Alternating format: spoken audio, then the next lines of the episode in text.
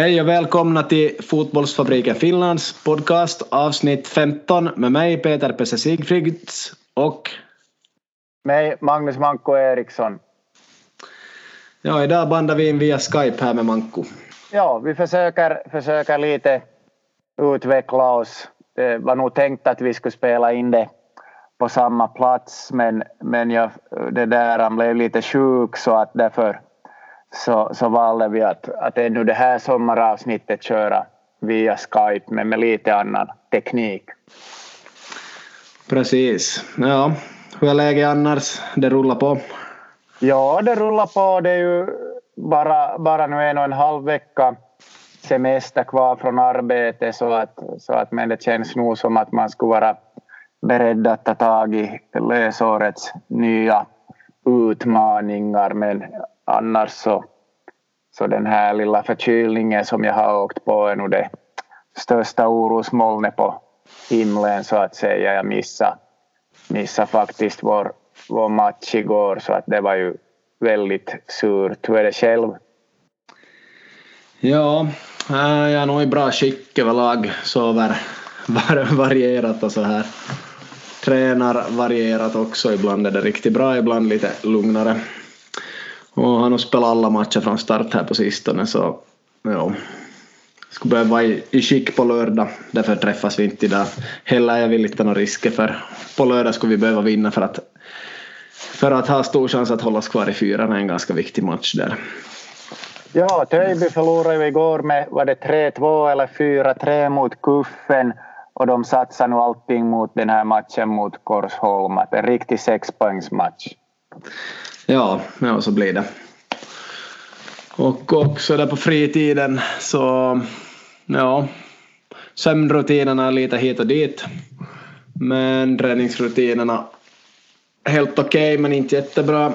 Och så ser jag nog fram emot att börja jobba för då får man ju rutinerna mycket bättre både med att stiga upp och allting annat. Så ska nog bli bra med lite jobb här om en och en halv vecka faktiskt. Och så får man säkert gymrutiner tillbaka och så får vi säkert spela in våra poddar lite mer regelbundet och på plats tillsammans också. Så allt möjligt tror jag kommer i skick bara man börjar jobba. Ja. Så det har ju varit värmebölja också så eh, slöar nog ner alla människor och hela samhället lite men nu är det ju kallt igen här 14 grader idag. Ja, jag sitter här i bilen och nu cyklar faktiskt Sundom IFs Mike, Mike Banner förbi här. Bara som en liten parentes. Ja. Som ju har spelat tidigare i Jaro och KPV och i år spelar i Sundom IF. Ja, det är bäst att du inte tar in honom för en intervju den här gången. Nej, nej. ja, precis. Uh, vi kan ju börja med lite fotboll. Fotbollsgrejer här. Vi kan fundera på VPS först kanske. Ja. Ligalaget, vi hade alltså Kristiansund som tog över där, diskuterade vi senast. Och så kan vi se lite hur det gått sen han tog över. Ja, det var ju så att man förlorade mot SJK Uh, var det på tilläggstid? Mm, blev, var ja. det 2-1 blev det? Visst var det så? Uh, jag skulle säga, ja det var kanske det ja. ja. Och eh, sen så kryssar man mot Lahti hemma, första hemmamatchen för Kisu. Eh, det blev 1-1 och sen så kryssar man också 1-1 borta mot HJK i Helsingfors. Och det som ju har sagts är att inga äh, kryss hjälper i den här situationen man är nu. Och så säger, men att ändå var den här äh, kryssen mot HJK kan ju nog vara bra för, för sammanhållningen och, och go i laget. eller vad säger du, kan, kan en poäng smaka bättre än en annan? Ja, absolut. HJK borta ju jättesvår match, så just den poängen tror jag de är nöjda med ändå, men att annars vill de inte ha något kryss och, och de är nöjda med kryss överlag och det är helt rätt inställning för KPV har ju vunnit någon match här också, så det är som är kniven mot strupen hela tiden. VPS är sist i ligan för tillfället. Ja, det är väl kring en, vad är det, fyra, fem poäng nu just eftersom eh, KPV som ju också sparkar sin tränare för kanske en månad sedan och har haft Niko Kalliokoski vid rodret. Så nu fick de lossköpt Jani Uotinen från SJKs organisation och eh, de visade direkt äh, hjärta och vann mot ett något måhända Europatrött Kups. Mm, ja, ja nej, men så är det. Så är det. Det ska bli kul att se mer av Uotinen. Uh, han var lite med, med honom i VPS den hösten då jag tränade där han, han var ju nog väldigt duktig som spelare där och helt bra person så säkert kan han vara en bra tränare också men att vi får se på sikt här hur det går i ligan för honom och KPV. Och ja, du har inte gått någon träna, tränarkurs med, med honom? Uh, vi har aldrig mötts på några kurser eller, eller fortbildningar vad jag minns så jag har faktiskt inte sett av honom alls på det viset. Ja, just det. Fast man nog ser de flesta, men att honom har jag inte sett överhuvudtaget. Så, mm. Yes, det var Veps och där i toppen har vi de där samma lagen som vanligt men det är ju Ilves som leder och, och verkar hetast och går mot guldet fast det är långt kvar. Ja, det är långt kvar. Det kommer ju att komma en, en också någon sorts Kommer det någon playoff eller vad det kommer? Uh, har inte riktigt koll på, på det där men att åtminstone kommer det ju en nedre slutserie för VPS vad det verkar. Och man ja. har då det där mycket matcher mot ROPS kvar mm. om man nu tänker sig att KPV det där vinner, vinner ett par matcher så det, kan det bli ROPS då som man i några sexpoängsmatcher kan det där ta ikapp och förbi. Så att det blir nog väldigt, väldigt spännande. Jag såg att VPS sålde också sina eh, säsongskort för var det 39 euro nu och var det minst fem hemmamatcher kvar eller kanske ännu mera. Men kan vi nog tipsa att, att skaffa säsongskort och vara på plats och stödja laget. Mm, ja, det löser säkert. Ja, ska vi se på lite lägre divisioner har nog inte hänt så mycket här efter pausen. Det har spelats kanske två, två omgångar i de flesta serierna men jag kan kanske nämna någonting. I division 3 så har ju IJBK vunnit över KPV. KPV som ligger andra så det var ju ganska tufft. Det blev väl 4-3 eller något liknande. Och så har KPV efter det vunnit 7-1 över Nykarleby. Så det är väl fortfarande på andra plats där. Och, ja, och Kaske var på svängde på andra plats också här eftersom det är ju en haltande tabell också, division 3, så att Kaske var och svängde på, på den här andra platsen. Annars är det ju då, ja det blir väl kanske Kaske, KPV och Kraft som gör upp om den här andra platsen.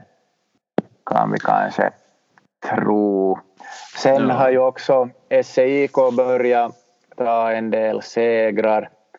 Eh, jag pratade med, med en som är ganska insatt i de här frågorna i onsdags när jag var på JBK Kaiha. Så han sa att det beror till stor del på att eh, SEIK har fått tillbaka de mest rutinerade spelarna som är på och studerar på annan ort som har till och med division 2-rutin från JBK och så vidare att det kommer, kommer nog att, att ordna sig för SC. Okej, och de far inte att studera nu igen?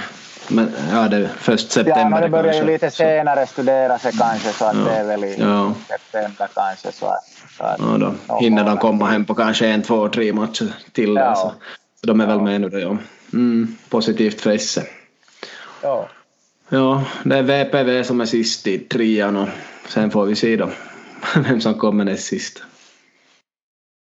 Ja. Medan Kisto, Kisto fortsättningsvis har, har funkat bra. Spelat 1-1 mot Korsnäs, det var ju ett sämre resultat men i alla fall jättebra har det gått och Sundom har som sagt kryssat jättemycket som vi sa i förra avsnittet och de satsar nu på Regions Cup där de har kvartsfinal om någon dag. När det nu var den här veckan. Ja, jag tror att det är på lördag eller söndag ja, som de har, har det. Ja. Kraft har ju borta mot, PK35 där vår gamla bekanting Jonas Britski både spelar och är assisterande tränare och även har jag hört rykten av att, om att Sixten Bokström har varit in och vänt där och det finns en del gamla Gnistan-spelare och, och så vidare att någon har gjort, gjort uppemot 20 mål där till och med i, i trean så här långt och, och de har väl släppt in ett par tre mål max så att det kommer nog att bli en mycket tuff match för Kraft. Eh, Sundlin gick ut och sa på, eh, i Vasabladet att, att motståndet håller division 2-klass men det gör också vi. Och bara vi har alla i skick och spelar mm, som ja. vi kan. Så att det kommer nog att bli en tuff match men jag ser nog PK35 ändå som, som favoriter. Ja, absolut. Absolut. Kraft är bra men knappast så där bra ändå. Och det här med att hålla division 2-klass, det är ganska tufft. Det ser man på VPS som promenerar genom trean i fjol och, och nu får storstryk i tvåan hela tiden fast de har några ligaspelare med ibland också. Så tvåan är ganska tuff för tillfället tydligen. Ja, det verkar, verkar så ja. Ja, för ja.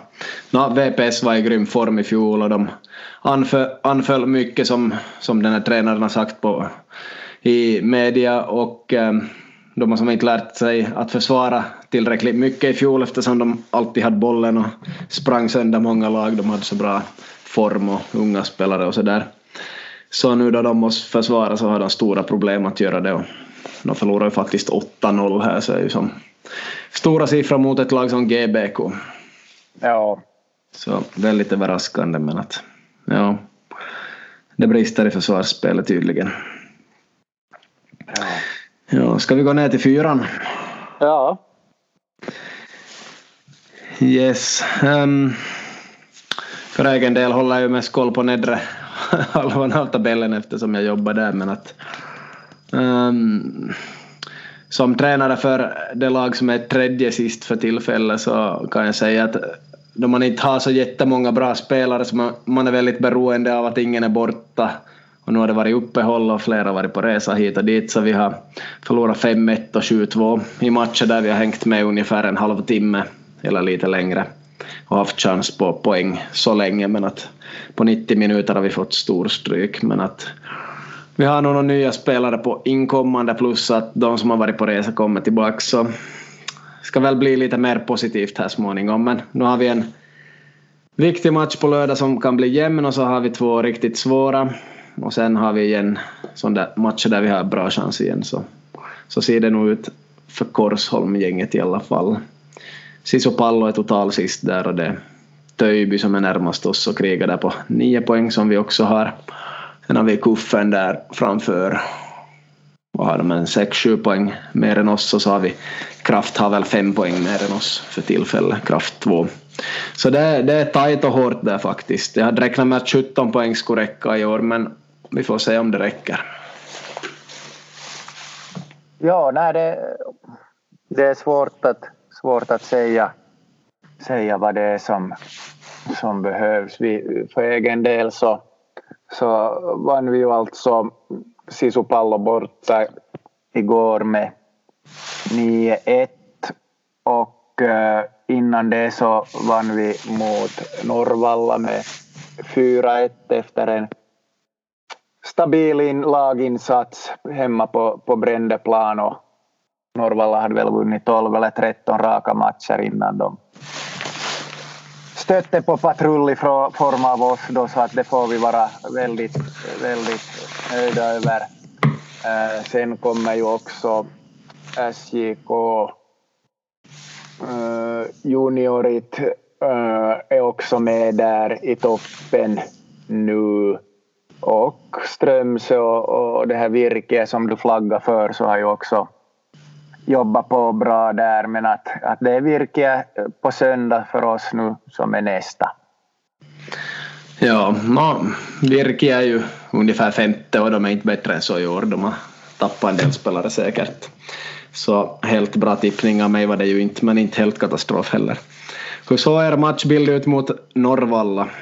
Det är ju första gången de tappar poäng och de förlorar ju 4-1 så ganska stor förlust ändå. Hur såg det ut där i Brändö?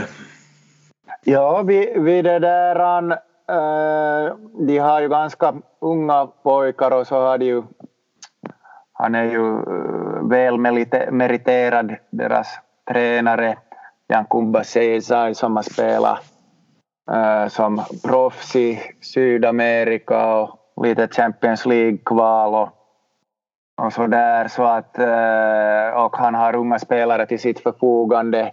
Två britter på topp och, och de är ganska bra just att pressa så att det blev nog lite så att vi, vi det där eh, började inte spela oss förbi den här första pressen utan vi slog, slog nog en, en långboll enligt, enligt den här devisen Ilmassa ei ole kuoppia och så krigade vi på där om, om andra bollarna sen.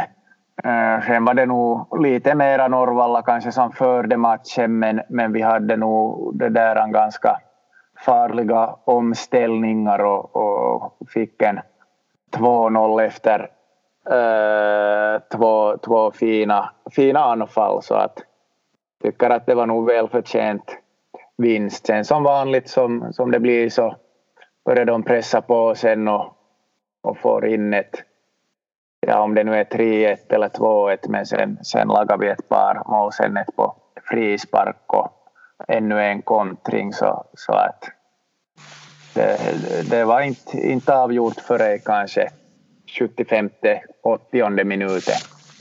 Mm, ja. Nej, helt smart säkert att slå den där långa bollen och inte spela förbi sådana som är duktiga att pressa högt. Sen är det ju har man ett lag som är bra på att pressa högt måste man också fundera hur gör man då det kommer långbollar och där kanske de inte hade en lika bra plan, plan på hur de ska göra och ni har ju ganska fysiska killar där uppe, ganska långa och starka överlag och rutinerade vissa så säkert bra taktik och, och så har det funkat och så har ni kontra in mål och sådär ja, grattis! ja, tack, tack, tack. Ja, skönt att Norrvalla inte går obesegrade genom fyran för det ska ju ingen göra. Nej, nej, så är det. Nåja. Det om det. Mm, nej, men bra jobbat och eh, fortsatt intressant serie. Och den är så himla lokal den här fyran så därför är den ju extra intressant och man träffar mycket folk som är med där. Och, och det händer mycket och nu till hösten är det spelarbrist i alla serier och när man ska låna, låna spelare så är det jättesvårt att hitta någon i några andra lag och sådär men man måste ta från oldboys och man måste se vilka som inte spelar fotboll och mer allt möjligt. Och målvakter är extremt svårt att hitta någonstans överhuvudtaget och, och så här. Vi fick nämligen rött kort på vår målvakt förra matchen. Då, då det blev andra straffen så blev det för mycket för honom så han skällde domaren lite där och det blev direkt rött. Ja, just så. Och, och no, det, det är slut då folk ska fokusera mycket på domarna. Okej, de, de är riktigt trötta på vissa domare före matchen ens börjar. Och jag förstår det på sätt och vis, men att man är ganska klen mentalt om man tar röda kort genom att ropa så här. Så, äh, man ska sätta sin energi på det som är vettigt och, det, och på det som man kan påverka. Det som bäst så. Ja. Yes. Nåja, hur som helst. Det var fyran i stora drag och vi får återkomma då det spelas mer matcher i de här serierna.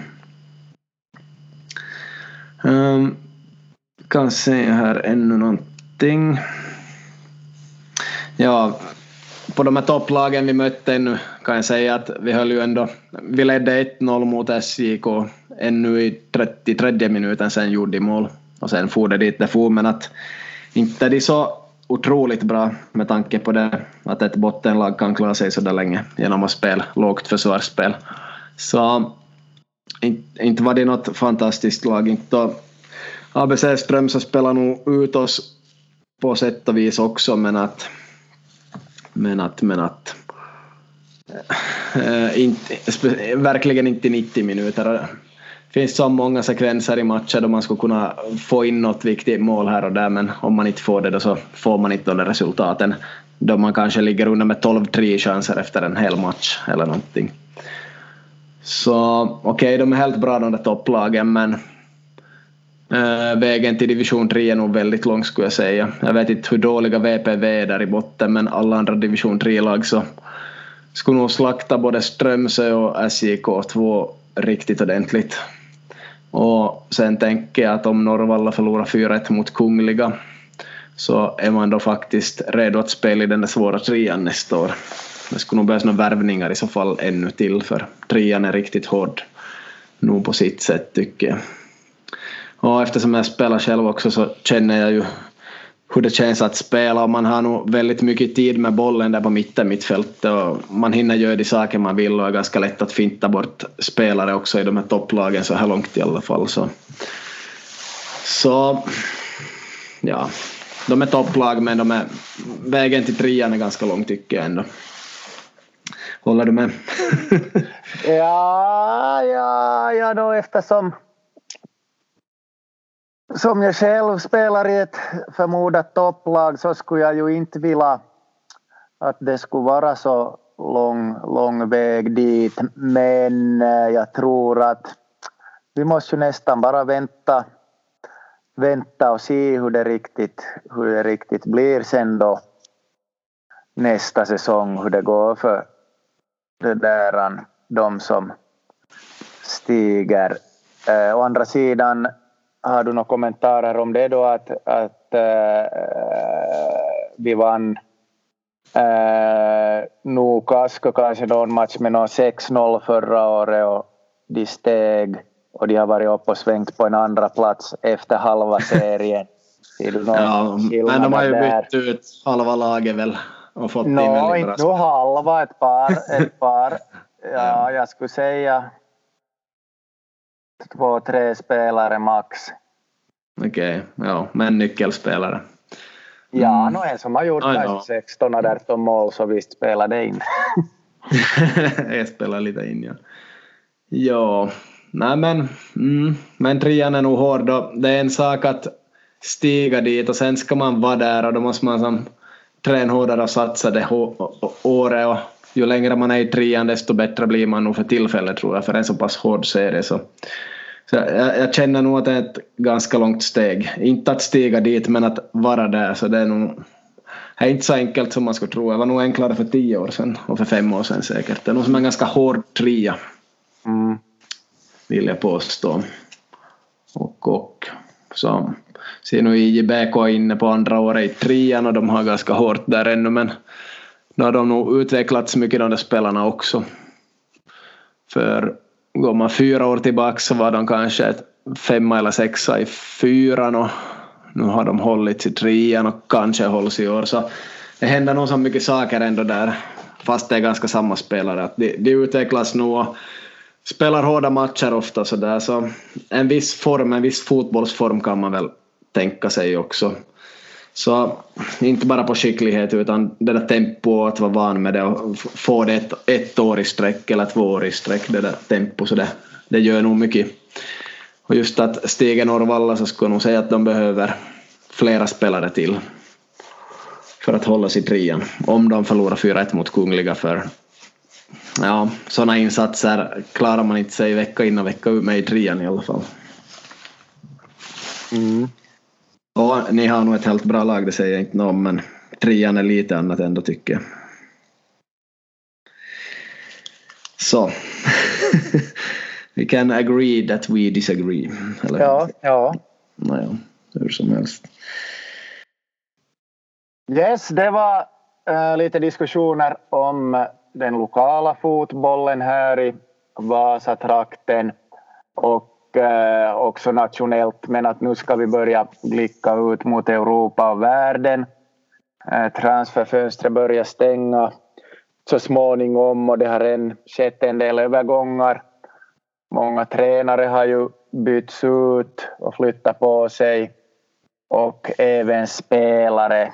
Så att om vi börjar med de här tränarna så kan vi ju kanske Eh, nämna åtminstone att Lampard har gått till Chelsea och Sarri har gått till Juventus och Conte har gått till Inter. Har du några andra spektakulära tränarövergångar som du tycker skulle vara värda att nämna?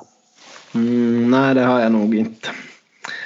Eh, sen har det spelats otroligt mycket träningsmatcher. De har ju match nästan varannan dag de här topplagen nu många i USA och spelar träning, träningsmatcher här.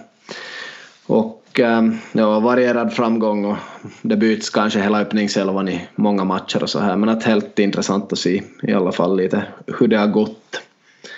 Sen har vi många spelare som har varit lite i media här. Neymar, att ska han byta lag eller inte? Koscielny verkar ju vara på väg bort från Arsenal och Bale var kanske på väg bort från Real Madrid men då blev Asensio skadad i uppemot nio månader så nu vet man inte riktigt. Bale har spelat lite, gjort något mål i någon träningsmatch men sen han inte spela och ja, man vet inte om han kommer att försvinna eller inte men jag tror inte att Zidane vill ha honom kvar egentligen men vad tror du? Nej, det är nog, han sa ju också att, att ju förr man blir av med honom desto bättre så. Så att ja. det, det är nog en spelare som förstås är dyr, dyr i drift och kanske inte ingår då i Zidanes framtidsplaner. Det var väl så i den här senaste matchen mot Tottenham så var det eh, kommunicerades det ut att Bale mådde illa men samtidigt som matchen var igång så körde han en golfrunda så att ja, ja, eh, ja. det är väl lite sådär. Ja, det är lite knäppt. Ja, nej men världsfotbollen är på gång och hur är det? Stänger transferfönstret sista augusti som det brukar vara eller är det tidigare i år? Eh, jag har, för jag har inte kollat upp det så där exakt men jag har för mig att, att i England kanske det stänger tidigare, kanske åttonde. Jag ska testa googla det där här om en liten ja. stund så ska vi se. Transferfönstret ja, ja. 2019 Premier League ska vi se vad de säger. Det var ju tal om det där tyckte jag tidigare. Jag vet bara inte om det blev av eller inte. Hur som helst så Ja, nej men Arsenal har spelat helt bra överlag. Ledde den här sortens tabellen som de har gjort över träningsmatcher men nu har de förlorat någon match här på, på sistone så kanske inte leder något mer men um, Tottenham helt bra, Liverpool varierande, Manchester United varierande, Chelsea varierande. Man City har jag inte sett så mycket av. Ja, vad, vad skulle du säga Manko att de här träningsmatcherna ger och de är i USA och Asien och här och där. De är topplagen nu från, från Europa. Vad har du för kommentar kring det? Ja, jag skulle säga att det, det är väl nog kring 90 procent jippo och 10 procent sportslig, eh, sportsliga orsaker till varför man far på de här turnéerna och som man kallar träningsläger. Att det är klart det att, det att marknadsföra sitt brand utomlands och få chansen att sälja ännu flera t-skjortor och kanske sälja diverse merchandise som, som jag skulle säga är orsaken bakom det här. Det var ju eh, Juventus som var någonstans i Asien på träningsläger och sen, sen så var det så att Ronaldo inte heller spelade och, och då blev det ju hullabaloo kring det här att man be, best, be, ville ha kring 50 pund tillbaka för biljettpriset och kring 600 pund tillbaka för Äh, det där äh, psykiskt lidande så att, så att det, det är nu just sådana här saker kommer ju fram hela tiden att inte vet jag hur mycket det ger sist och slutligen för, för de här lagen att, att vara hålla på med det där. Nej, no, rent idrottsligt så är det ju inte, inte perfekt i alla fall. Minns då HJK mötte Barcelona som inte spelade Messi mot dem men Iniesta var med i alla fall en gång här i en sån match. Och det är klart att man vill se Ronaldo om, om hans lag spelar och sådär men svårt att kräva det. Det är som inte några artister som kommer och ska sjunga. Man kan ju se här då Ed Sheeran skulle spela så han, han hade väl två dagar i rad i Helsingfors eller Esbo. Så Sara Larsson var sjuk första dagen men spelade andra dagen som förband så då var hon borta en dag och de fick inga pengar tillbaks men det är ju lite så här att inte kan man börja ha olika biljettpriser i fotboll beroende på vilken stjärna som är med eller inte man vet inte på förhand. så lite mycket show nu som, som du sa. Ja.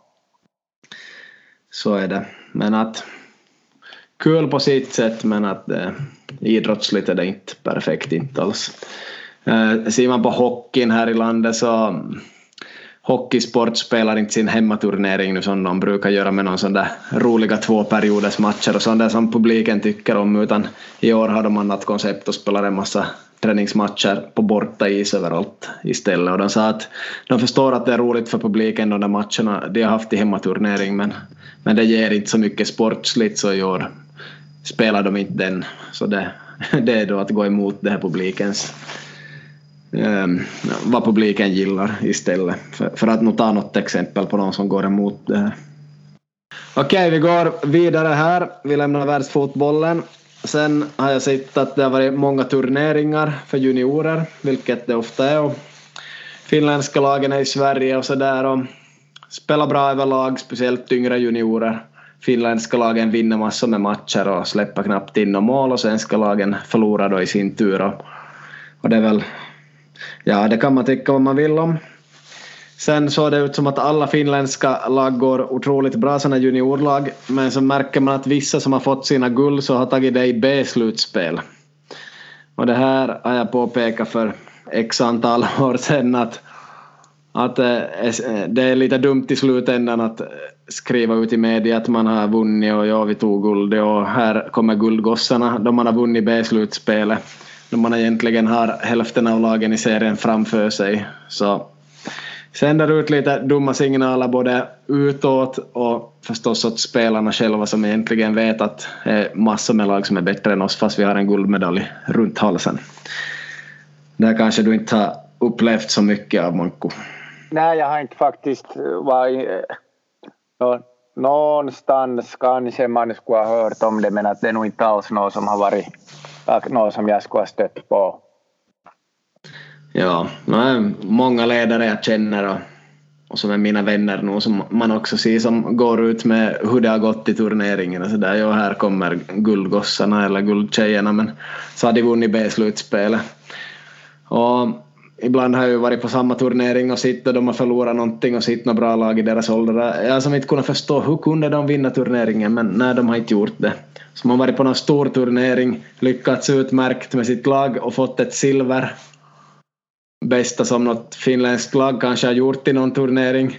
Men så kommer ett annat finländskt lag med sina guldmedaljer och sina nöjda tränare för de har tagit guld i B-slutspelet i samma turnering. Så ja, B-slutspel B-slutspel och A-slutspel A-slutspel. Man borde få medaljer i tre då man vinner B-slutspelet, det har jag sagt många gånger. Och sen behöver vi ju inte ha resultathets heller förstås och, och det här är inte något superviktigt för mig heller men att i alla fall B-slutspel är bara ett B-slutspel, det måste man som fatta tycker jag. Det är som Europa League ungefär. No, det är lite så. någon tar silver i Champions League och någon tar guld i Europa League. Ja.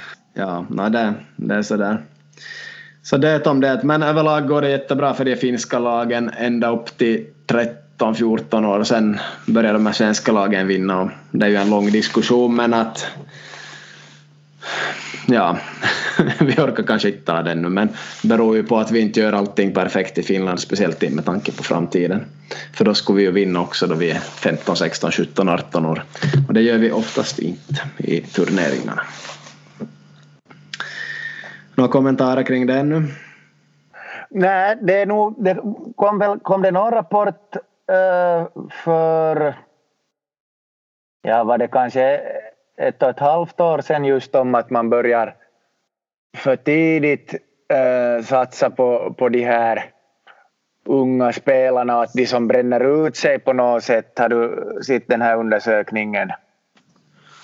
Ja, det finns så många undersökningar jag ja. Ja, just det. Mm. Nej, nej, det var bara det jag kom att tänka på. Att, att, ja. att jag har för mig att, att man just i Italien och Spanien börjar, att det är mest den här leken som är det viktiga just i de unga åren. Ja, just att de satsar på teknik och spel och den där ja. taktiken kommer sen i tonåren. Men ja. Vi kör ju nog ganska mycket taktik i Finland redan, säkert från hur tidigt som helst nästan. Så ja. vi kör nog taktik tidigt här. på gott och ont. Men att ja, absolut, taktik tar tid också fast det nog är en viss spelförståelse i det som är helt vettigt. Men nu får de ju spelförståelse de som spelar på gatan fyra mot fyra eller tre mot tre också. Så det är nog, det är nog lite sådär. Man har det eller så har man inte eller man får det eller så får man inte det. Och, och vad som är rätt och fel kan man diskutera men i alla fall så vinner ju svenskarna i de här turneringarna överlag. Svenskarna eller andra utländska lag som inte är finländska där sen så. Så vårt problem är där från 14 uppåt och att vara bäst då från 13 och yngre och sådär så. Mm. Hur bra är det i slutändan? Jag vet inte. Vi behöver inte prata så mycket om det kanske just nu här men. Ska vi, vi kan ta den här veckans fråga ifall att din telefon laddar ur eller något här. så har vi ja, med den i alla fall. Ja. Den, den lyder så här. Skjuter man hårdare med nya sortens skor? Nu har jag översatt frågan lite hit. Alltså, det finns nyare och nyare skor på marknaden och skjuter man hårdare med dem än man gjorde med, med gamla skor då kan vi ta Copa Mundial som har funnits hur länge som helst och så jämför vi den med någon av dagens skor. Har du någon sån här spontan tanke kring det här? Eh, det var en bra fråga måste jag säga. Eh, ja... Det skulle nog vara marginellt i så fall. Jag eh, tror nog att, att det är inte skon som är det allra viktigaste. Att nu har vi sådana som kör med Copa Mundial som skjuter hårdast i vårt lag men frågan är då om de skulle skjuta ännu hårdare med nya sorters skor. Jag, jag måste säga jag får, får nog lämna, lämna svaret lite öppet där. Vad tycker du själv? Eh, uh, skulle frågan vara att springer man hårdare med nya sorters skor så det kan jag tänka mig. Eh, om vi ser på några skor för 20 år sedan så så de var knappast lika välutvecklade som vissa ultralätta sådana Nike-skor kan vara som rekommenderas kanske för någon som löper på kanten. Så där kan jag tänka mig att man kan vara snabbare med nya sorters skor. Eh, vad gäller skott så nå säger att man skjuter till exempel 110 kilometer i timmen då man har tid och får lägga bollen hur man vill inför ett skott från till exempel 16 meter eller 20 meter. Så inte kan jag... Nåja, att skon sitter bra på foten är ju viktigt och att man får en bra bollträff är viktigt. Sen ytan på själva skon och sånt, jag kan inte tänka mig att det påverkar eh, bollens hastighet, det kan jag inte tänka mig. Jag har aldrig hört någonting om det heller och skulle det vara så så kan jag inte tänka mig att det är nog många kilometer i timmen, det kan kanske röra sig om någon enstaka i så fall. Så mitt svar på den här frågan är nog att nej, man kan inte skjuta hårdare med, med nya sorters skor än vad man kunde med gamla som Copa Mundial till exempel. Eh, där kommer jag också att tänka på de här eh, Predator som fanns för kanske 15 år sedan, 20 år sedan. Så där Predator med ganska rolig yta ovanpå där nära skosnörena som skulle ge hårdare skott och det ena och det andra så de var ju helt roliga men inte tror jag man sköt hårdare med dem heller. Så mitt svar är nog nej, man kan inte skjuta hårdare. Men däremot tror jag att man kanske kan springa hårdare med, med rätt sorts skor om man är en viss sorts spelare. Comments? ja, nej, det är nog, jag håller, håller nog med om det just att, att man kan dels springa hårdare och kanske mera energieffektivt och äh, ha bättre, bättre rörelse i sidled och bättre grepp och så vidare, vilket ju det där är viktigt i, i fotbollen. Så att nu har ju skorna blivit bättre och bättre eh, samtidigt som det ju nog också, som med allt annat, är mycket business i det här att man släpper eh, samma sko med nya färger och så har man den där spelaren att visa upp dem och så får man mycket skor sålda. Men att klart det att att skoutvecklingen går framåt men bara för att de byter färg blir det ju inte bättre. Nej, däremot bollen spelar ju en stor roll så där kan man ju istället ta en lång diskussion om olika bollar, vilka man kan skjuta hårdare och på olika sätt säkert. Så där skulle det säkert finnas en hel del att säga, men den frågan tänker inte jag svara på i alla fall. Men bollen skulle nog spela en stor roll tycker jag. Ja. Absolut. Ja, vi tar en till grej här. Um, vi tar... Ja, jag kom lite forskning om styrka. Um, om vi nu tänker att vi börjar gå på gym här i höst, vilket nog jag kommer att börja göra igen, så om man är tränad på ett visst sätt, vi säger att du och jag är precis lika bra tränade inför gym och sådär, vi är nästan som tvillingar, så då kan man ju lägga upp träningen på olika sätt. Man kan lägga den på 60 procent, 80 procent eller 100 procent varje pass i princip. Så att man alltså tar i fullt eller sådär medelhårt eller lite svagare. Hänger du med? Ja. Så då har det visat sig att de som ligger på 80 procent får bäst resultat. Man kör alltså inte fullt på det här gymmet hela tiden. Nu, nu förstår jag att man måste göra vissa maxlyft om man ska ha upp en viss maxstyrka och sådär nog men att om vi tar bort det från de mest extrema så mer så här lite vanligare folk som går regelbundet på gym och inte tävlar i alla fall så, så 80 procent är bäst. Det är ingen skillnad om du ligger på 100 eller 60 procent, du kommer att få samma slutresultat av den här träningen om du som är motionär, inte, inte någon som tävlar och är superseriös på alla sätt, då, då, då kan det där 100 behövs säkert här och där men att 160 är lika mycket i slutändan för en vanlig gymmotionär kan man säga och 80 procent är bästa. Komment? uh, eh, hur, hur mycket vi, är det som olika vila då? Hur många på den här forskningen skulle man ju nog gärna vilja ha mm, WhatsApp ja. åt sig att just det är ju klart det att, att om man, om man kör det där ja att nu, nu får man ju bättre resultat om man kör det där tre pass 100 än om man kör fem pass 60 kan man ju tänka sig eller hur var det upplagt med antal Mm, no, det, det, är ju det att man, man, man, tränar lika många gånger som kanske till exempel fyra gånger 100 eller fyra gånger 60 procent så då ska du få samma slutresultat. Det handlar ju om hur kroppen reagerar på den här sorts träningen. Det där 100 är säkert för mycket och det där 60 är lite för lite så du hamnar i samma slutända. För att det där 80 skulle vara, vara det perfekta för dig nämligen så det är där, därför. För att du inte hinner återhämta dig kanske så det där 100 ger kanske inte en 100 effekt på riktigt. Medan om du skulle lägga på 80 procent hela tiden så orkar du utföra allt på ett bättre sätt eller något kan jag tänka mig. Ja, det måste ju ha att göra med, med den där återhämtningen mellan träningspassen förstås. Ja, ja det måste det ha. Men helt intressant tanke och så där i alla fall. Och,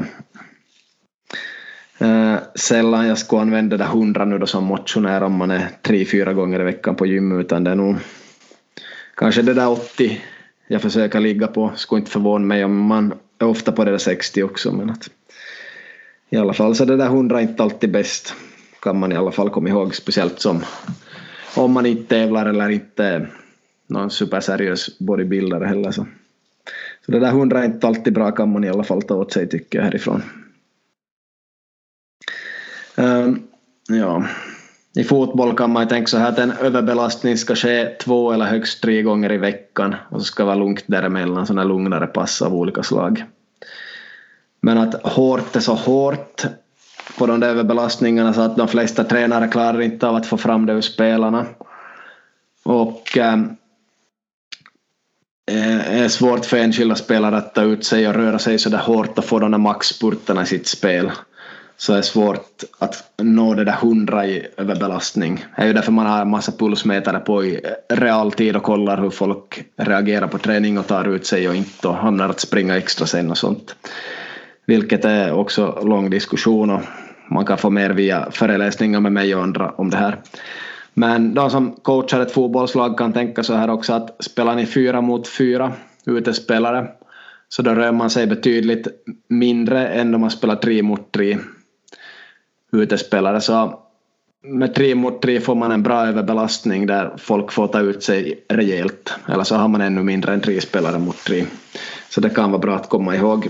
Och här kan man samtidigt komma in på det att jag sitter på många möten nu som då och folk har åsikter, speciellt om man är i en ny förening och, och berättar åt mig hur de springer i andra länder och att de springer utan boll, att de måste göra det en halvtimme. Säger jag att nej. vi springer inte utan boll, det finns inte en chans. För vi kommer att göra på det sätt jag tycker och det är fotbollskonditioner, det finns forskning och sen berättar någon att man ska ha ett stort hjärta, hjärta ska växa och bla bla bla. No, om de vill kan vi börja diskutera hur man lånar ATP från fosfatsystem och allting men jag tror inte vi har tid med det på våra möten så det är nog som, man måste välja sina strider i sådana diskussioner hit och dit men att nåja det här lämnar jag här nu i podden idag i alla fall. Mm. Ja, och du får kommentera om du Nej, lugnt.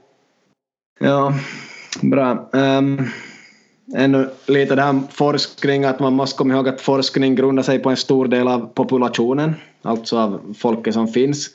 Och att äh, läkare också utgår från de här samma sakerna vid någon sjukdom. Och sen finns det individuella skillnader, så det som stämmer enligt forskning bör inte stämma på alla individuella människor. Samma sak med en sjukdom. Man testar det som är vanligt och botar inte sjukdomen måste man göra på ett annat sätt. Där kan man kanske tänka samma sak i idrotten att man gör det som funkar för de flesta enligt forskning och funkar inte det på just dig så då borde man ändra någonting. Så det där individuella måste man också komma ihåg och, och se på. Och där kan man också tänka att läkarna inom idrotten, deras största uppgift är att se så att risken att bli sjuk i förhållande till tränarens hårda upplägg åt en enskild idrottare så det är som läkarens uppgift, se till att den inte blir sjuk, får feber eller någonting sånt. Och mycket inom cykling så har läkarna en stor roll där att se till att de här individerna inte blir sjuka och just därför gör de tester på dem. För cykeltränarna är väldigt hårda och vill ha mycket ur de här cyklisterna så där är nog ett exempel. Ja, kommentarer om den saken?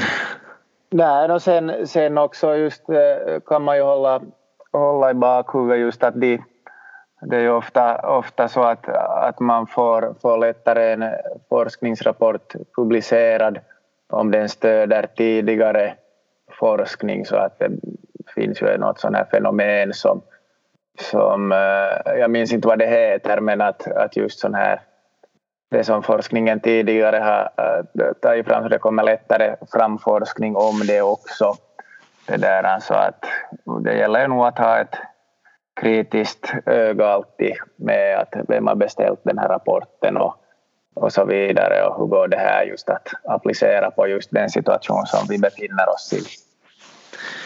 Ja, och då man läser mycket forskning så oftast är det så att de har forskat i något och det har inte, bevi det har inte bevisats någonting nytt så, så så går det ofta med mycket forskning så det, ibland kommer det fram vissa nya saker men att ofta, ofta så kommer det inte fram något nytt då man gör en undersökning. Det måste vi komma ihåg. Yes. Det här med isbad tänkte ta upp lite.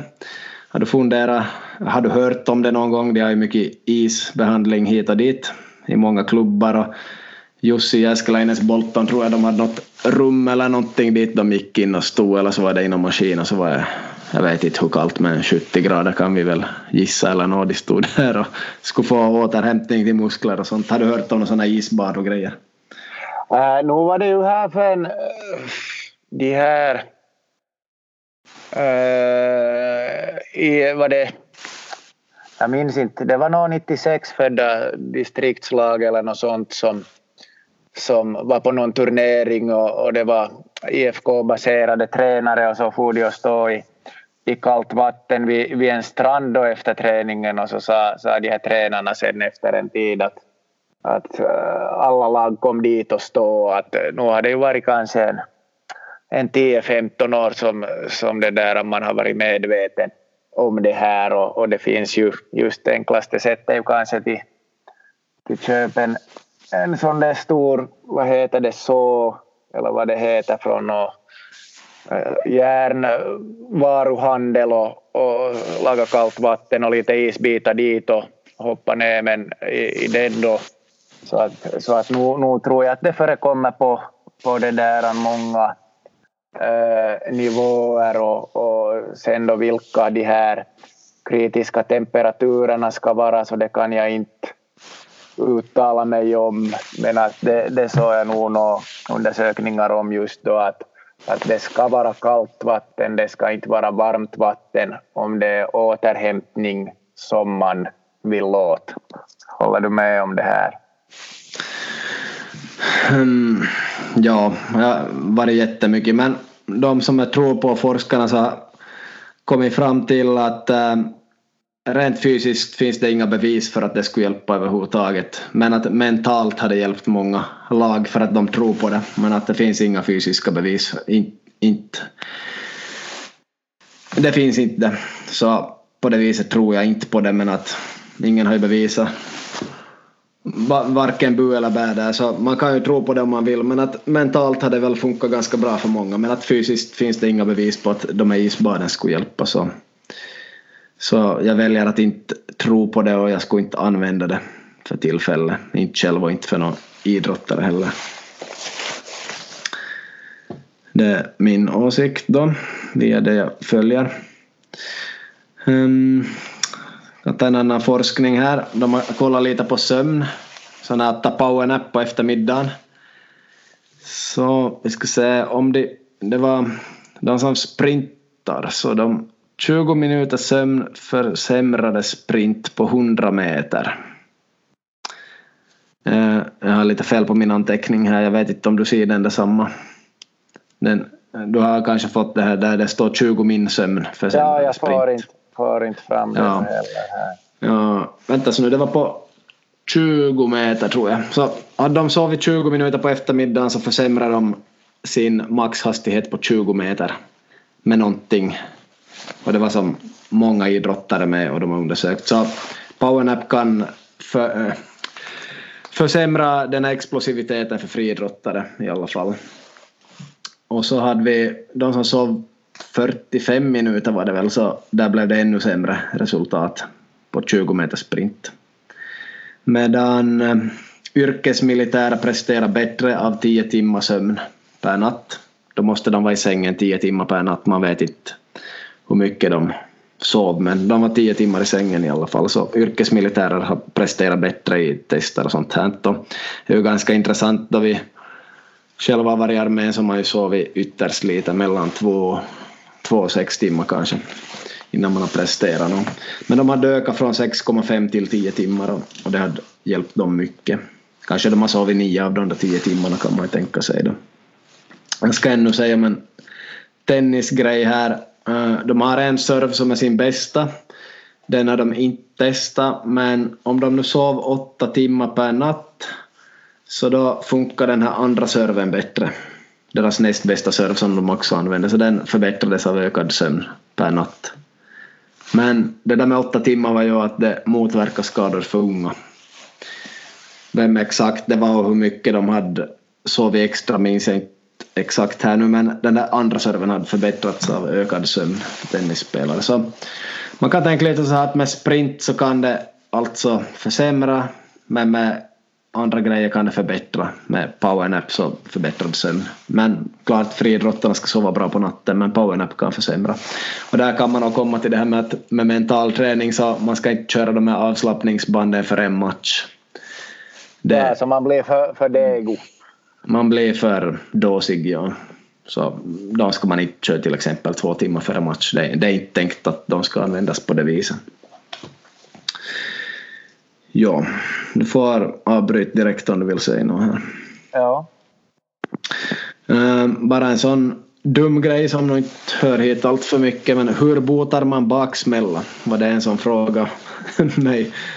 Och um, via min hemsida har jag forskat och visat visa forskning via, via hemsidan då där med alkohol och sånt men ett nytt tips som, som var ganska intressant här var att um, man ska inte belasta hjärtat dagen efter man har druckit mycket alkohol men 30 till 40 minuter cykling i lågt tempo lär vara bra och bastu på det för att svettas ut den där alkoholen som nog är ett gift i sig. Så man måste få i sig vätska hela tiden. Man är redan uttorkad från det där. Så man dricker och svettas ut och 30 till 40 minuter cykling i lågt tempo skulle vara bra dagen efter plus bastu. Så det kan ju någon testa om de vill. Själv dricker jag inte på det där viset för tillfället åtminstone. Kanske någon gång tidigare i mina dagar. Men på sommaren är det många som, som dricker mer än de gör annars så de är intresserade och funderar på sådana saker. Yes, någonting kring det? Nej, det, det där, jag undrar hur, om du har då där på din hemsida gått igenom det här med att, att det skulle vara bra med, med en pizza och en Coca-Cola. Att om det är en myt eller om det stämmer när det gäller baksmällor. Mm, ja, jag tror inte det finns något belägg för att det skulle vara bättre utan det är nog att få i sig vitaminer och frukt och sådär tror jag det var viktigare. Det, det där fettet vill, känner väl människan att de vill ha men vad jag förstår så behövs inte det där fettet och sockret egentligen utan det, det är mer något som man känner att man vill ha men det var inte det som hjälper. Men däremot när vi kommer in på kost, vårt återkommande ämne kost, så kan vi ta en sån grej lite samtidigt. Eh, de har ju ofta en sån där OS-by då de har OS och svenska damlandslaget har varit där i OS bland annat och vi ska se den här grejen. Det var intressant. Ja, om de har match på kvällen så har de undersökt att vad ska man äta för mat för att återhämta sig så snabbt som möjligt. Eller för att, ja, för, för att få snabb återhämtning. Nå, I OS-byn finns det ett McDonalds ofta, till och med. I vissa länder så Vissa äter på McDonalds och vissa har ätit sån här husmanskost där sent på kvällen efter matchen. Och de har fått precis samma snabb återhämtning så det inte spelar någon som helst roll med snabb återhämtning efter match i alla fall. Så där var det ingen skillnad med fett och socker i alla fall utan det, det gjorde samma, samma sak för snabb återhämtning. Ja, nej, det stöder ju den här tidigare rapporten som jag stött på med på då för, för ett år sedan just som, som sa det här att, att det inte var, var någon skillnad om, om man åt äh, skräpmat eller sådana proteinbars och andra till, till vad heter det, kosttillskott. Tillskott. Mm. Just för återhämtningen. Så att de här två undersökningarna får vi ta till vårt hjärta. Mm. Ja. Yes. Det som man kan komma ihåg med kosten också är att eh, potatis innehåller mycket vatten och fiber och väldigt, ja, lite protein och inte så mycket kolhydrater alls. Medan pasta och ris är som att föredra i uppladdning eller återhämtning för att där finns mer kolhydrater. Så potatis är alltså inte det bästa att ladda med. Ladda hellre med ris och pasta för en match. Och eh, sen är det ganska intressant att tyskarna fattar inte varför vi nordbor äter så mycket banan efter träning och sådär. Jag minns också då jag var i VPS de där månaderna så fanns en bananlåda utanför rummet. Bananen var nog en grej där och säkert i många andra klubbar här men tyskarna tar till exempel en bratwurst för snabb återhämtning, alltså korv med bröd i princip. Danskarna tar chokladöverdrag på bröd vilket ger 600 kilokalorier direkt. Så här har man då funderat, många svenska lag tar frukt efter match i turnering och så här. Och det dåliga med att äta frukt efter match i en turnering för juniorer och eventuellt seniorer är att man blir ganska mätt av den där frukten och sen då man har chansen att äta mycket på lunch eller middag då man skulle kunna få en bra måltid och mycket återhämtning i kalorier så, så då orkar man inte äta så mycket för att man har ätit den där frukten. Så så frukt är inte så bra på det viset. Utan förstör inte den här chansen att äta mycket vid lunch och middag utan ja, du vet. Alla gör på sitt sätt bratwurst och chokladöverdrag på bröd så det, det är andra metoder och det funkar bra för danskar och tyskar. Och överlag har svenska lag varit ganska sådär dåliga på att få snabb återhämtning har det visat sig och det här är som en orsak då just de här frukterna och det passar inte perfekt efter en match då. Man kanske har en till match samma dag eller kväll så, så det är som bättre att äta ordentligt på lunch eller middag eller ta just något sånt här galet som bratwurst eller chokladöverdrag på bröd. Så helt intressant fakta. Ja, faktiskt och, och här just så, så kommer det ju fram åter, återigen det här att vilket, vilken typ av kontext som man befinner sig i. Du har varit lite det där juniortränare och, och det har kanske varit aktuellt eh, för, mera för dig medan, medan jag nog aldrig har varit med om att, att man har spelat några matcher eh, nå, på det sättet eh, något mera tätt än kanske med tre dagars mellanrum men att, att den här forskningen så, så gällde ju då det där, eh, på det sättet turneringar med, med matcher med väldigt tät takt. Ja, på hemmaplan kan man tänka sig då om ert lag skulle ha match på måndag kväll och ni ännu ska träna hårt på tisdag morgon om ni skulle vara lite proffsiga och ha tid förstås. Så för att få en snabb återhämtning för att kunna träna hårt morgon efter vilket många tycker om så då, då skulle det vara bra att få en snabb återhämtning på måndag kväll så kan ni träna hårt på tisdag morgon och pa pausa på onsdag vilket många bra klubbar gör. Lite högre nivå än division 4 förstås. Men ja, det är ju just det att, att om, man, om man ska dels träna äh, det där två pass äh, samma dag eller just äh, kanske ett hårt pass inom 12 timmar så det är ju då som det är extra viktigt med snabb, och, snabb ursäkta, återhämtning och att man ska tänka på, på det att få glykogenlagren återfyllda. Mm, ja, så är det. Så är det. Och ähm, vi har ju många juniorer som tränar på morgonen och har, har träning på eftermiddagen så de måste fundera då att hur ska de, vad ska de äta för sorts mellanmål efter den där träningen för att ändå orka äta så mycket lunch som möjligt i skolan. Så där kan de börja fundera på de här sakerna, att man inte tar en banan och en mandarin och ännu en apelsin så är man ganska mätt och så har man lunch om två timmar kanske eller två och en halv timme och så orkar man inte äta så jättemycket lunch och, och där förlorar man lite återhämtande kost som man skulle kunna få vid lunchen istället och så har man träning efter skolan där vid fyra, halv fem och sådär. Så det lönar sig att tänka på de här sakerna och testa sig fram lite. Och nu vet vi att Premier League-spelare äter pizza efter matchen i omklädningsrummet redan ibland också så det är ju en helt intressant grej att det visar ju också att de inte bryr sig så mycket i vad det är för kost efter en match. Att det, det är lite vad som helst.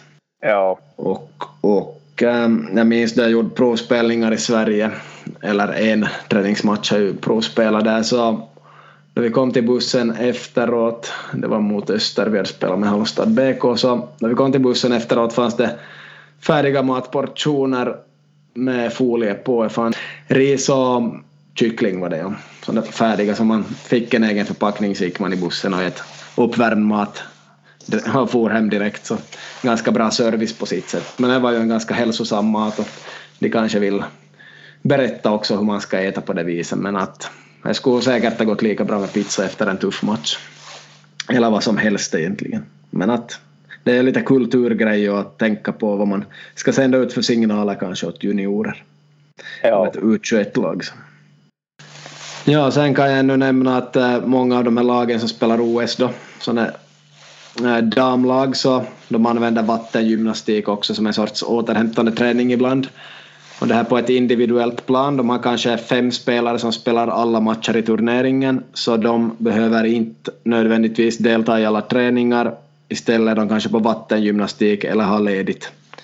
Och vattengymnastiken finns det inga bevis för heller att det skulle vara jättebra men spelarna gillar att vara på, vara på det istället för träning ibland om kroppen är trött. Så, så därför låter de dem ha vattengymnastik eller ledigt. Så, så det är nog en grej också.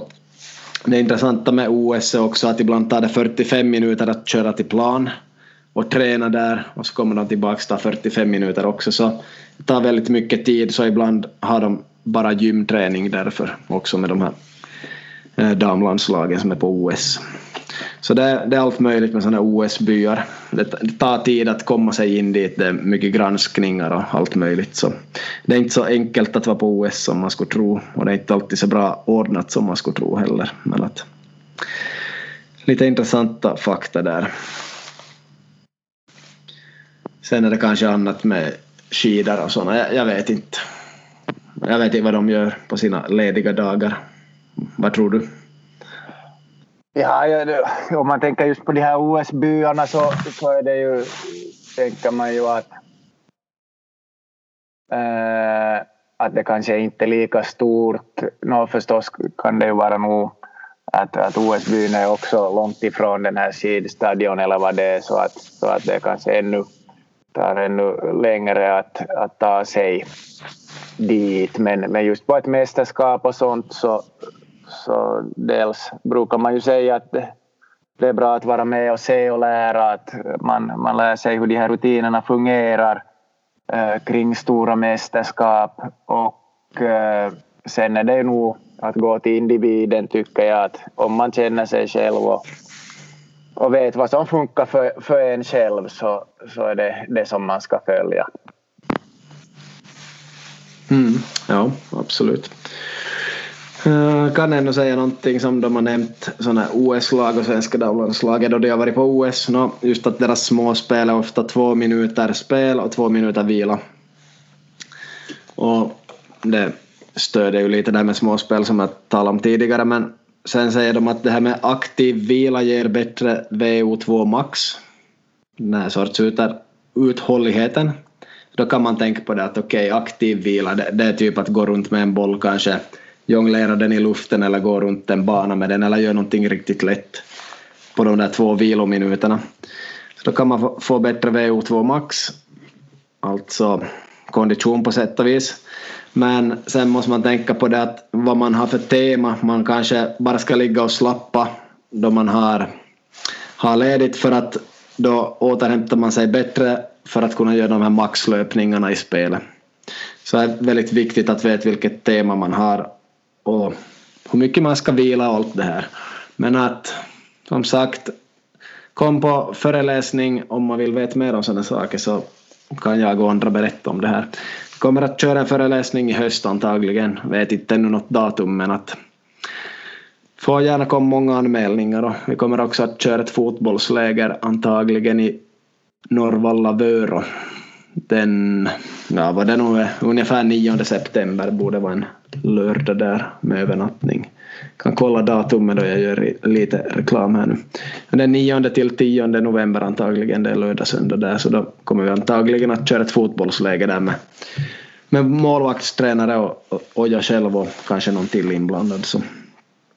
så ju mer intresserade ni är så desto mer kan ni anmäla er till grejer som kommer vart efter sen. Ja, börjar du ha fått din dos av PC idag?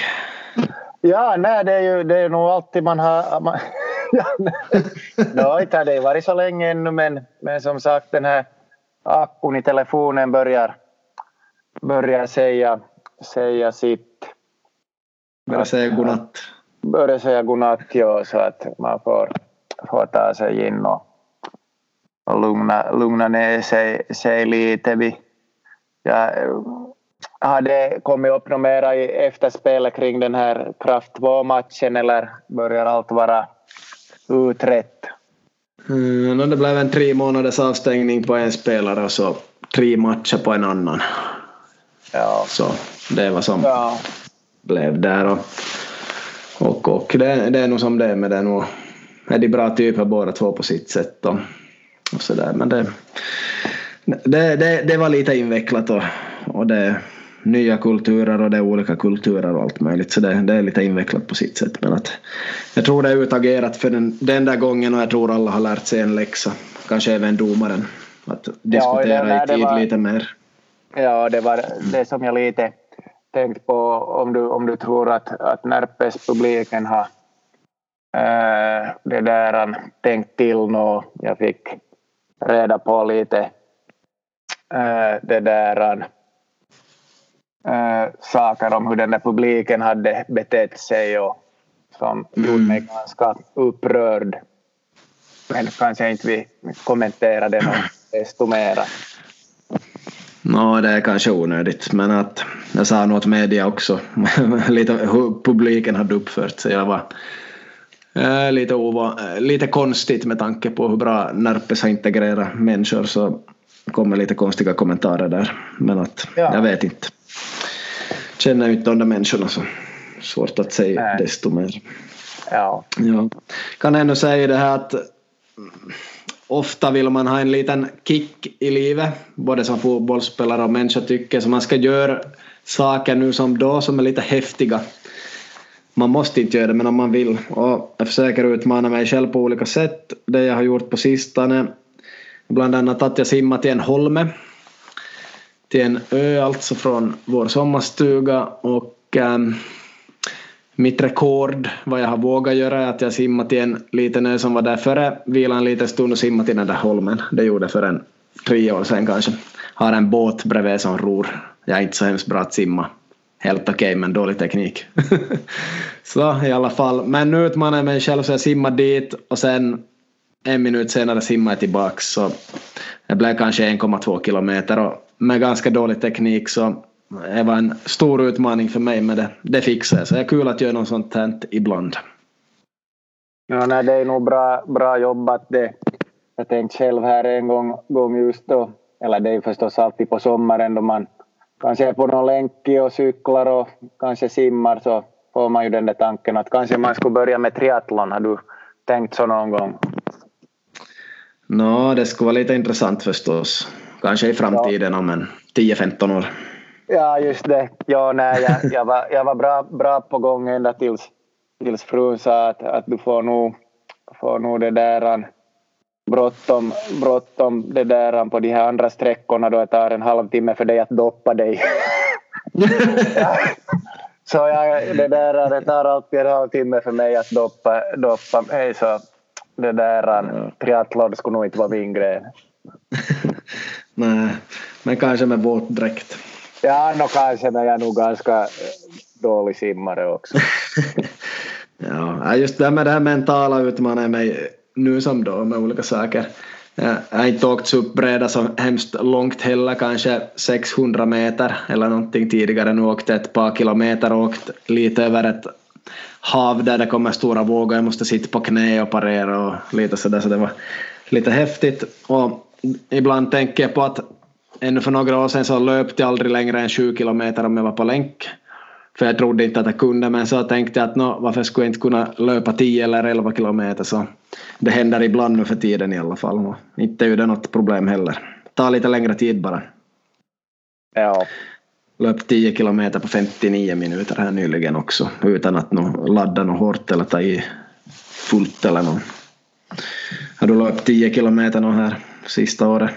Uh, det är nog länge sedan vi kan se. Jag kan ta fram träningsdagboken här så får vi, får vi se. vi, ska, vi ska se nu uh, hur vi har det här. Träning. Uh, jag ska berätta vad jag gjorde idag ännu. Ja. Uh, var till Power Park, den här nöjesparken. Det finns en sak som jag inte vill åka där och det är det här fritt fall där man faller ner där högt uppifrån. Ja. Eh, ja, jag har åkt där förr men jag, jag, gillar inte, jag tycker inte om då man far upp för jag är lite höjdrädd. Och så tycker jag inte om då den är där högst uppe i typ nio sekunder eller något för jag får sådana tankar att nej den kommer inte att funka, vi kommer inte att få ner, vi kommer att behöva någon transport med någon helikopter härifrån eller vad som helst men Uh, helt ensam så får jag i den idag och det var ju lite obehagligt men det gick nog bra. Ja, du får på den där snabba, snabbare fallet eller? Mm, ja. Ja. ja, just det. Jag får, får förra året jag, uh, och så får jag det där långsammare och så frågade jag där att, att är det nu säkert i den här långsammare så sa de nej, som på skämt. Det där, ja, nej, jag, Vad innebär far... det där långsammare? No, det är att det far ner lika långsamt som det far upp. Jaha, okej, okay, just det. Ja. ja, så att det är, som, det är bara som den där höjden. Höjden oh, ja. det skulle vara nästan värre för mig som är lite höjdrädd. Nu hinner man inte tänka då det fan är så snabbt. Så man hinner ja. inte tänka sista 50 meter eller vad det är. Ja, nej, annars åker jag alltid utom en sån där lång arm som heter booster där den, den passar inte mig. Det är för, för lång väntetid där långt uppe med dinglande ben så den fixar jag inte men allt annat har jag i princip åkt idag. Och, och, och man försöker stärka sig mentalt med olika grejer som man inte riktigt är bekväm med. Det, det är vad jag försöker göra i alla fall nu som då Zlatan hade ju mycket grejer att han alltid skulle ha en kick från och ut och köra snabba bilar och snöskotrar och allt möjligt. Ja, just det. Ja, så det lär så utmana sig. Har du hittat något där nu på 10 kilometer? Uh, no, här var nog en på 59, 59, 24 maj. ja, bra jobbat. Du klarade ja. det under en timme. Ja. Mm, perfekt. Bra. No, men vi har diskutera allt möjligt här idag. Nästa avsnitt kommer i augusti och vi får väl in våra rutiner och så hittar vi säkert några bra tider att samlas och spela in de här poddarna. Ja, kyllä så ska vi analysera lite mera VPS och KPVs spelsätt. Nu hur de har droppat ner med en defensiv mittfältare och skickat upp ytterbackarna och in yttermittfältarna. Så att det var den likheten som jag tänkte att om du och Chris och det där äh, Uotinen hade gått på samma kurs och att det skulle finnas något sånt där äh, gemensamt finländskt mantra för hur offensiv fot eller hur man ska anfalla, att om det skulle vara någon från den här handboken som båda de kör med eller hur det var. Det är ju mm. två sådana saker som, som jag har lagt, lagt märke till nu, speciellt i den här Lahti och HJK-matchen och sen också kommentera Adam Widjeskog det efter cupsmatchen för KPV att, att han, han tyckte om att droppa ner mellan mittbackarna och skicka upp yttermittfältarna och, eller ytterbackarna och in äh, yttermittfältarna. Att om det är mm. någonting. Ja. Så att vi får, får se lite närmare på det och vem som har de rollerna. Ja, jag tror i finska juniorlandslagen hade, hade de använt det där en hel del att ta in yttrarna i plan. Sen kan jag ge ett tips som Verhajen gav också att eh, om man har yttrarna väldigt högt på kanten att stå hela tiden och röra sig där så det kan blockera upp spelen ganska mycket för en själv. Om yttrarna står väldigt högt och inte rör sig där så därför ska man kanske inte ha upp yttrarna så högt. ja, det är inte lönt sig till stå fyra på rad där. Jag har ju nog ropats ja. i diverse korridorer i många år tycker jag. Precis, precis ja. Fan inte dit färdigt att stå fyra stycken. Ja, speciellt inte yttrarna. Är de upp färdigt ja. så blockerar det nog ens egna uppspel väldigt mycket. Motståndarna kommer ofta att vara på ett sånt sätt så att man inte kan spela upp bollen på ett bra sätt ja. efter marken. Ja, men som sagt i augusti återkommer vi och vi tackar våra lyssnare. Vi har cirka 100 per avsnitt hittills. Ja, kyllä vi Tack, tack för att ni orkar, orkar lyssna. Det, där, det, det är alltid, alltid roligt att, att spela in podd och lite göra reklam för den i egna sociala medier och sen följa med om, om det är någon man träffar på som har, har lyssnat på den. Vi det där ska jobba vidare men jag skulle kunna avsluta med att, att fråga dig om du, om du var på den där pizzabuffén idag där vid Powerpark. Uh, nej, jag åt en schnitzel. Ja, okej. Okay. Okej, okay. yes. Bra. Jag var i förra måndagen det där, för åtta dagar sedan så då, då blev det nog pizzabuffé minsann. Vilken överraskning. ja, kyllä. Yes, tack för oss. Tackar för oss.